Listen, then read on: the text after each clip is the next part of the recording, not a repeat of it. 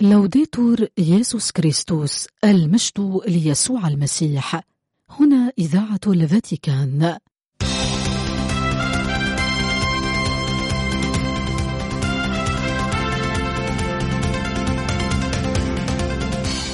مستمعين الأحباء تحية طيبة من القسم العربي في إذاعة الفاتيكان. ننقل إليكم برنامجنا العربي اليومي حول نشاطات البابا والكرسي الرسولي وأخبار الكنيسة حول العالم. يمكنكم الاستماع إلى برامجنا والاطلاع على آخر الأنباء عبر الإنترنت على الموقع vaticannews.va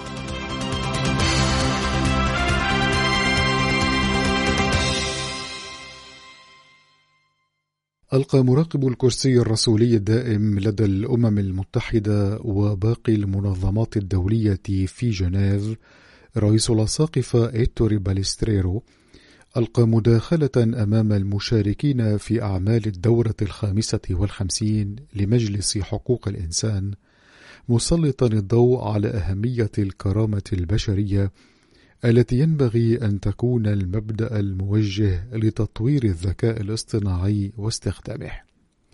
استهل الدبلوماسي الفاتيكاني مداخلته مذكرا بأن العالم احتفل في شهر كانون الأول ديسمبر الماضي بالذكرى السنوية الخامسة والسبعين لتبني الإعلان العالمي لحقوق الإنسان والذي كان إنجازا هاما أرسى أسس المعايير الكونية لحقوق الإنسان الأساسية والحريات. مع ذلك لم يخفي سيادته قلقه وقلق الكرسي الرسولي حيال الانتهاكات العديدة التي تتعرض لها تلك الحقوق في العالم على الرغم من مرور الزمن بما في ذلك الحق في الفكر والضمير وفي ممارسة الشعائر الدينية. ولفت في هذا السياق إلى تنامي ظاهرة التمييز والاضطهاد الدينيين والتي يتعرض لها المؤمنون حول العالم. وقال إن الحريات الدينية تنتهك في ثلث بلدان العالم تقريبا وفي بعض الدول الغربية يمارس التمييز والرقابة بحجة التسامح والاشتمال وغالبا ما تستخدم التشريعات الهادفة للتصدي لخطاب الكراهية من أجل التضييق على حرية الفكر والضمير والدين. مضى رئيس الأساقفة بالستريرو إلى القول إن عالمنا اليوم بات متعدد الأقطاب ومعقدا ولذا ثمة حاجة إلى إطار جديد وفاعل للتعاون إذ لابد من تبني آليات كفيلة لمواجهة التحديات المطروحة وضمان احترام حقوق الإنسان الأساسية، مع العلم أن كل تلك التحديات مترابطة فيما بينها، وأن لا أحد يمكن أن ينجو لوحده كما يقول البابا فرانسيس. وذكر سيادته في هذا الإطار بأن جوهر الإعلان العالمي لحقوق الإنسان يرتكز إلى حقيقة أساسية تقدم خارطة الطريق باتجاه تنمية عادلة ومتكاملة وباتجاه سلام دائم وراسخ وهذه الحقيقة هي كرامة الكائن البشري التي رأى فيها الإعلان ركيزة للسلام ولحقوق الإنسان والعدالة والحرية. بعدها أشار سيادته إلى أن إعادة الكرامة البشرية إلى طاولة النقاش ستسهل عمل المنظمات الدولية وستمكن الوكالات الساعية إلى الخير العام والنظر في القضايا الفنية من تخطي الشلل الحاصل بسبب الاستقطاب الأيديولوجي واستغلاله من قبل بعض الدول. ولفت إلى أن تعزيز الدبلوماسية المتعددة الأطراف يتطلب إرساء أسس القيم المتجذرة في الكرامة البشرية. وهذا الأمر يتطلب إعادة بناء نظرة متقاسمة لطبيعتنا التي تحمل في طياتها واجبات ومبادئ خلقية لابد من فهمها واحترامها. لم تخلو كلمات الدبلوماسي الفاتيكاني من الحديث عن الذكاء الاصطناعي مسطرا ضرورة أن توجه الكرامة البشرية تطوير واستخدام هذه التكنولوجيات. وقال إن هذا التقدم عليه أن يحترم حقوق الإنسان الأساسية وعليه أن يخدم قدراتنا البشرية لا أن يتنافس معها وعليه أن يعزز العلاقات الشخصية والأخوية والتفكير النقدي والقدرة على التمييز. وحذر من مغبة أن يقتصر الشخص البشري على الخوارزميات وأن تقرر المنظومات المتطورة مصير الكائن البشري.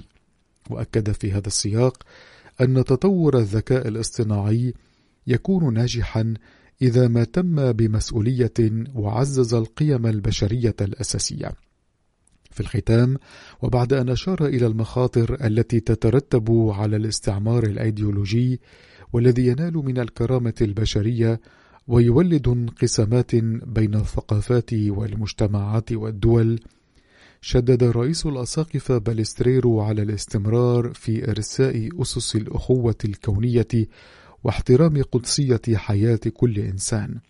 مسلطا الضوء على ضرورة وضع قيم الأخوة البشرية في المحور لأنها شرط أساسي لضمان احترام حقوق الإنسان في عالم اليوم.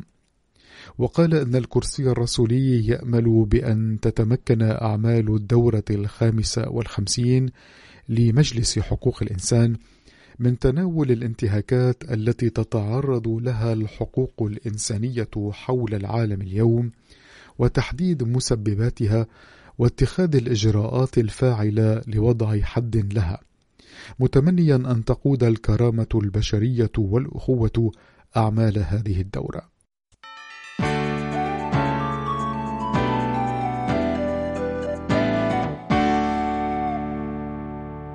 الصوم هو زمن التوبة العظيم الذي نستعد فيه لكي نعود إلى الله. أربعون يوما لكي نغير حياتنا لكي نعود إلى المسيح الله الآب وننال الروح القدس. أربعين يوما جرب فيها الشيطان يسوع في البرية. في رسالته بمناسبة الصوم الكبير حث الأسقف ألدو بيراردي النائب الرسولي في شمال شبه الجزيرة العربية. جميع المؤمنين على الاستعداد وإجراء تقييمات لحياتهم الروحية وعلاقتهم مع الله ومع ذواتهم. مثل يسوع في الصحراء نحن أيضا نتعرض للتجربة في كثير من الأحيان ويجب علينا أن نواجه هذه التجارب لكي نرتد ونعود إلى الله. يجب أن ندرك أهمية عيد الفصح وفرح القيامة. إن عيد الفصح هو محور حياتنا الروحية وحياتنا المسيحية. يدعونا يسوع لكي نصلي ونصوم عن الطعام وعن آلاف الالتزامات الأخرى التي تشغل أيامنا وتضعف صلاتنا. ارجعوا إلى الله ارجعوا إلى بيوتكم وصلوا إلى الله الآب. إن يسوع هو الباب الذي يدخلنا في شركة مع الله. وبهذه الطريقة يمكننا أن نواجه العديد من التجارب. عندما يكون الله في قلوبنا ونتأكد من أننا أبناء حقيقيين له. الصوم يعني التحرر وكسر القيود وهذا يعني إطلاق العنان للروح القدس. ويقول لنا يسوع أيضا أن نقيم حياتنا مع الآخرين. ما هو ما هي علاقتنا مع الآخرين؟ عودوا إلى الآخرين وأحبوا القريب. ولنستغل هذا الوقت لكي نستعد لعيد الفصح العظيم. خلص النائب الرسولي في شمال شبه الجزيرة العربية إلى القول وكذلك لكي نقيم حياتنا كلها لكي نعود إلى الله من خلال يسوع. يسوع هو طريقنا وهو مثالنا وهو الوحيد الذي يستطيع أن يساعدنا لكي يعثر على الله الآب. وبهذه الطريقة سننال الروح القدس. إن الروح القدس بموهبته يساعدنا لكي ننطلق مجددا كأبناء الله إن هذا الصوم يساعدنا لكي نتطهر ونتجدد ونرتد ونعود إلى الله ونكون في شركة مع الثالوث الأقدس.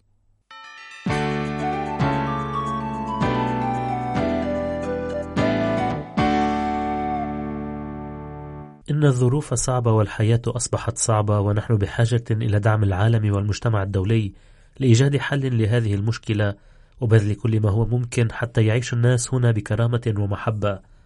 هكذا وصف نائب حراسة الأراضي المقدسة الأب إبراهيم فلتس للمركز الإعلامي المسيحي التابع لحراسة الأراضي المقدسة الأوضاع المعيشية للسكان في بيت لحم والضفة الغربية المتأثرة أيضا بتداعيات الحرب في غزة. لقد تدهور الوضع الاقتصادي للعديد من العائلات والشباب بسبب غياب الحجاج الذين يشكلون القوة الدافعة للمدينة. إلا أن حراسة الأراضي المقدسة حاضرة بقوة للحفاظ على ما تبقى من الوجود المسيحي. إن التزام الحراسة ورسالتها هما في الواقع خدمة الإنسان وشعب هذا البلد والحفاظ على الوجود المسيحي في الأراضي المقدسة وخدمتهم والتواجد معهم وإلى جانبهم ومساعدتهم على المقاومة. ومن هنا جاء نداء الأب فلتاس.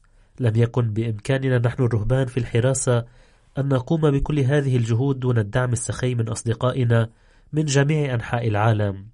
كونوا جزءا لا يتجزأ من الأرض المقدسة من خلال المساعدة في زرع بذور المحبة والرجاء. كذلك أعاد الأب جورج حداد مدير مدرسة الأرض المقدسة في بيت لحم التأكيد على أهمية رسالة الفرنسيسكان الذين ينشرون تعاليم القديس فرانسيس حول السلام والخير والمحبة والأخوة ويمدون يدهم إلى كل محتاج أو متألم ويعانقونه بدفء.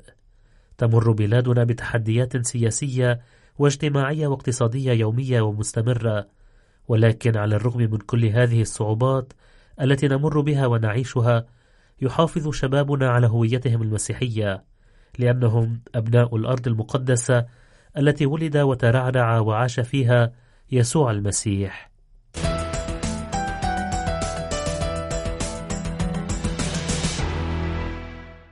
تحت عنوان العمل من أجل المشاركة والديمقراطية نشر مجلس أساقفة إيطاليا رسالته بمناسبة عيد العمال الذي يحتفل به في الأول من أيار مايو. وكتب الأساقفة في رسالتهم إن أبي ما يزال يعمل وأنا أعمل أيضا. تساعدنا كلمات المسيح هذه لكي نرى أن العمل يعبر عن نوع خاص من شبه الإنسان بالله الخالق والآب. كل فرد يشارك بعمله في العمل الإلهي العظيم للعناية بالبشرية والخليقة وبالتالي فالعمل ليس مجرد فعل شيء ما بل هو التصرف على الدوام مع الآخرين ومن أجل الآخرين. يغذينا جذر المجانية التي تحرر العمل من التغرب وتبني المجتمع. يكون متغرب المجتمع الذي في أشكال تنظيمه الاجتماعي والإنتاج والاستهلاك يجعل أكثر صعوبة تحقيق هذه العطية وإقامة هذا التضامن بين البشر. ومن هذا المنظور نفسه تأخذ المادة الأولى من الدستور الإيطالي نورا يستحق أن نسلط الضوء عليه. الشؤون العامة هي نتيجة عمل الرجال والنساء الذين ساهموا وما زالوا يساهمون كل يوم في بناء بلد ديمقراطي. ومن المهم بشكل خاص أن تكون الكنائس في إيطاليا في مسيرة نحو الأسبوع الاجتماعي الخمسين للكاثوليك في إيطاليا حول موضوع في قلب الديمقراطية. المشاركة بين التاريخ والمستقبل وبدون ممارسة هذا الحق وبدون أن تضمن إمكانية الجميع من ممارسته لا يمكن أن يتحقق حلم الديمقراطية. تابع الأساقفة يكتبون وكما يذكرنا البابا فرانسيس في الرسالة العامة فراتيلي توتي من أجل سياسة أفضل أن الموضوع العظيم هو العمل. ما يحظى بشعبية حقيقية لأنه يعزز خير الشعب هو أن تضمن لكل شخص إمكانية أن تنبت البذور التي وضعها الله في كل فرد قدراته ومبادرته وقواه على سياسات العمل التي يجب اعتمادها على جميع مستويات الإدارة العامة أن تأخذ في عين الاعتبار أنه ليس هناك فقر أسوأ من ذلك الذي يحرم الفرد من العمل. لذلك يتعين علينا أن نكون منفتحين على سياسات اجتماعية لم يتم تصميمها لصالح الفقراء فحسب بل يتم تصميمها بالتعاون معهم. مع مفكرين يسمحون للديمقراطية بعدم الدمور وإنما بأن تدمج الجميع حقا. إن الاستثمار في التخطيط والتنشئة والابتكار وكذلك الانفتاح على التكنولوجيات التي يحملها التحول البيئي يعني خلق ظروف عدالة اجتماعية. ومن الضروري أيضا أن ننظر إلى سيناريوهات التغيير التي يفتحها الذكاء الاصطناعي في عالم العمل. من أجل توجيه هذا التحول الذي لا مفر منه بشكل مسؤول. ويضيف الأساقفة لكل واحد خاصته هي مسألة عدالة أولية. كل من يعمل يستحق الاعتراف بكرامته السامية. ومن دون هذا الاعتراف لن يكون هناك ديمقراطية اقتصادية حقيقية. ولهذا السبب من الأهمية بمكان أن نتحمل بمسؤولية حلم المشاركة من أجل النمو الديمقراطي للبلاد.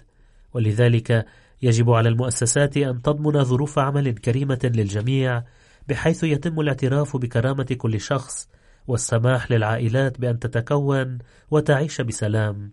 وتخلق الظروف بحيث تتمتع جميع الأراضي الوطنية بفرص التنمية عينها. ولا سيما في المناطق التي ترتفع فيها معدلات الفقر ولا تزال معدلات البطالة والهجرة قائمة. ومن بين ظروف العمل لا تزال تلك التي تمنع حالات انعدام الأمن هي الأكثر إلحاحا التي يجب الاهتمام بها نظرا لارتفاع عدد الحوادث التي لا تظهر أي علامة على الانخفاض. كذلك عندما يفقد الشخص وظيفته أو يحتاج إلى إعادة تدريب مهاراته يجب تفعيل جميع الموارد لتجنب أي خطر للإقصاء الاجتماعي.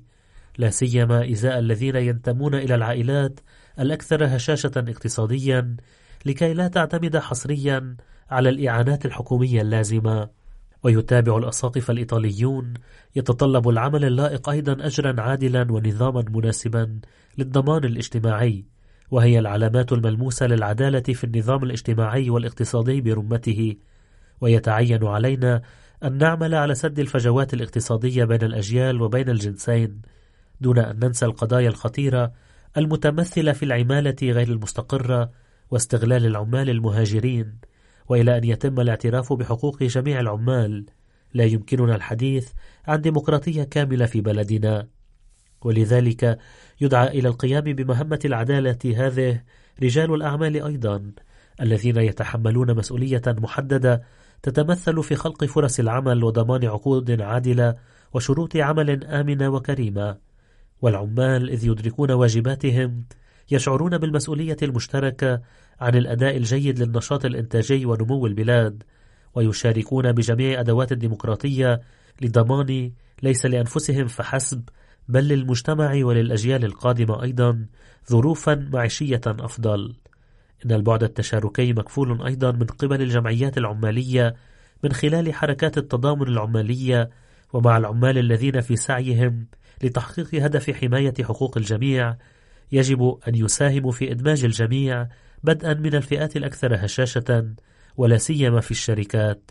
وختم أساقفة إيطاليا رسالتهم بمناسبة عيد العمال بالقول تواصل الكنائس في إيطاليا الملتزمة في المسيرة السينودوسية الإصغاء إلى العمال وتمييز القضايا الاجتماعية الأكثر إلحاحا. كل جماعة هي مدعوة إلى إظهار القرب والاهتمام تجاه العمال الذين لا يتم الاعتراف بمساهمتهم في الخير العام بشكل كاف وكذلك للحفاظ على حس المشاركة حيا. ومن هذا المنظور تعمل المكاتب الرعوية الاجتماعية الأبرشية والمشغلون مثل مرشدي العمل على تعزيز وتوفير أدوات التنشئة الملائمة. على كل فرد أن يكون علامة رجاء لا سيما في المناطق المعرضة لخطر أن يتم التخلي عنها. وأن تترك بدون فرص عمل في المستقبل بالإضافة إلى أن يضع نفسه في الإصغاء إلى هؤلاء الإخوة والأخوات الذين يطلبون الاندماج في الحياة الديمقراطية في بلدنا. تبدأ هذا الخميس التاسع والعشرين من شباط فبراير مسيرة تنشئة إرسالية تتمحور حول الصلاة وينظمها الاتحاد الحبري الإرسالي. وكما أوردت وكالة فيدس الكاثوليكية للأنباء تتضمن مسيرة التنشئة الإرسالية أربعة لقاءات عبر الإنترنت وتهدف مسيرة التنشئة هذه إلى الإجابة بشكل ملموس على دعوة قداسة البابا فرانسيس من أجل تكثيف المشاركة في القداس والصلاة. وذلك كما جاء في رسالة البابا فرانسيس بمناسبة اليوم الإرسال العالمي لعام 2024 هذا وتجدر الإشارة إلى أن قداسة البابا فرانسيس قد أعلن عن بدء السنة المخصصة للصلاة 2024 استعدادا ليوبيل العام 2025 في كلمة وجهها بعد تلاوة صلاة التبشير الملائكي يوم الأحد الحادي والعشرين من كانون الثاني يناير 2024 وقال الأب الأقدس إن الأشهر المقبلة ستقودنا إلى فتح الباب المقدس الذي به سنبدأ اليوبيل. وأضاف أطلب منكم أن تكثفوا صلاتكم لكي نستعد لعيش حدث النعمة هذا جيدا ونختبر قوة رجاء الله. وأشار البابا فرانسيس إلى سنة مخصصة لإعادة اكتشاف القيمة الكبرى والحاجة المطلقة للصلاة. الصلاة في الحياة الشخصية وفي حياة الكنيسة والعالم.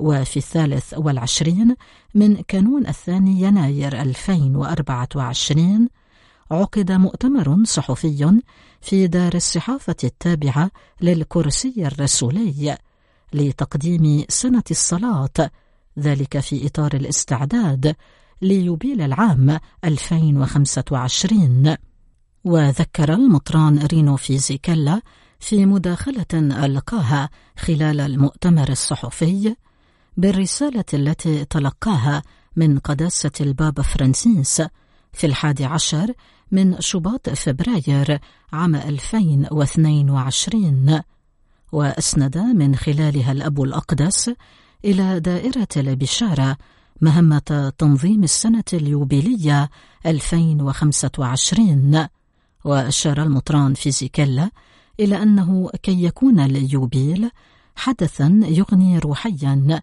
حياة الكنيسة وشعب الله بأسره فيصبح علامة رجاء ملموسة.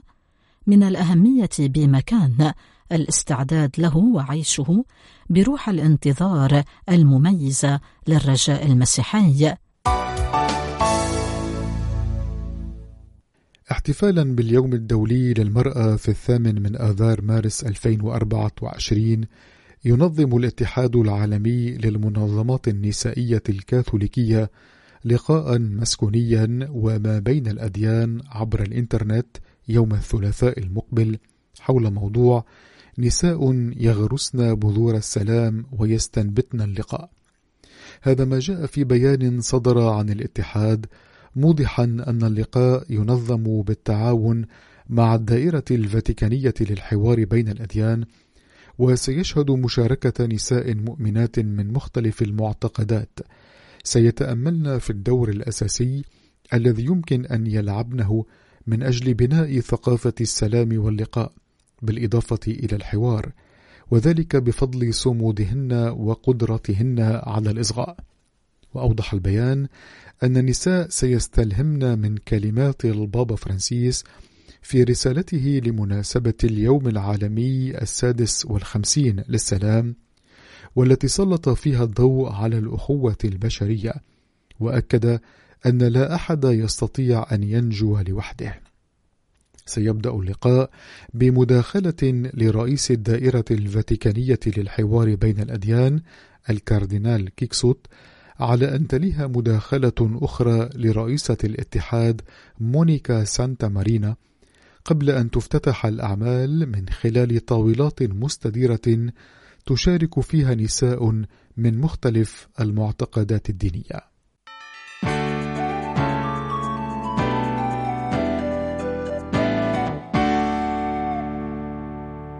يومان من العمل من أجل بناء عالم عادل وكوكب مستدام. بهذه الأهداف افتتحت أمس الأربعاء مجموعة العشرين لوزراء الاقتصاد ومحافظي البنوك المركزية. في ساو باولو البرازيل. وذكرت تقارير صحفية. إن أحدى أولويات قمة الرئاسة البرازيلية هي التحالف العالمي ضد الجوع والفقر. وينص هذا الاقتراح على إنشاء صندوق بقيمة 79 مليار دولار سنويا. يجب أن يضاف إليه ما يسمى بمبادلة الديون.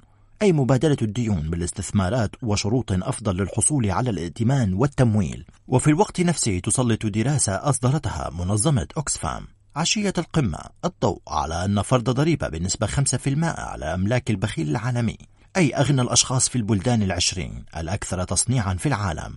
سيعني جمع ما يساوي 1.5 تريليون دولار سنويا وهو مبلغ يكفي لوضع حد لنقص الغذاء ومساعدة البلدان المنخفضة والمتوسطة الدخل على التكيف مع تغير المناخ وتحقيق أهداف التنمية المستدامة للأمم المتحدة مع وجود فائض يزيد على 546 مليار دولار للاستثمار في الخدمات والسياسات العامة والإجراءات المناخية.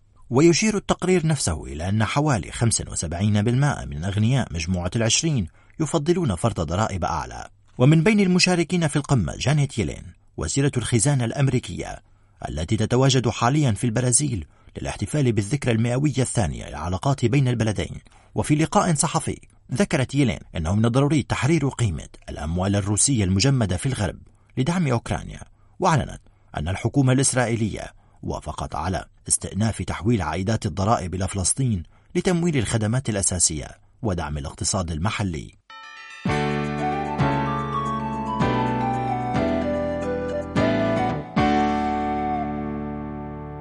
رفضت الولايات المتحدة الأمريكية وعدد من دول الأعضاء في الاتحاد الأوروبي وحلف الشمال الأطلسي الاقتراح الذي تقدم به الرئيس الفرنسي إيمانويل ماكرون بشأن احتمال إرسال قوات غربية إلى أوكرانيا.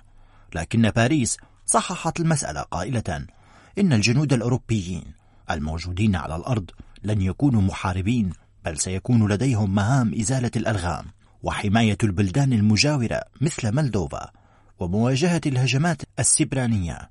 ولكن رد الكرملين كان قاسيا. في السيناريو الجديد الذي أثاره الإليزيه إذ تم نشر قوات التحالف لدعم قوات كييف. فإن الصراع المباشر مع الناتو سيكون حتميا. لذلك سارع حلف الشمال الأطلسي إلى القول أنه توجد خطط للتدخل العسكري فيما علقت كييف بشكل إيجابي على اقتراح الرئيس الفرنسي معتبرة إياه إشارة جيدة. وعلى صعيد آخر قصفت طائرات الروسية بدون طيار مدينتي أوديسا وخرسون. وخرسون الساحليتين الأوكرانيتين أثناء الليل وتسببت الهجمات في مقتل شخص واحد على الأقل وإصابة عدة أشخاص. وقد صرح متحدث باسم قوات الدفاع الأوكرانية إن أحد الطائرات بدون طيار التي تم إطلاقها باتجاه أوديسا حلقت فوق أراضي مولدوفا لعدة عشرات من الكيلومترات.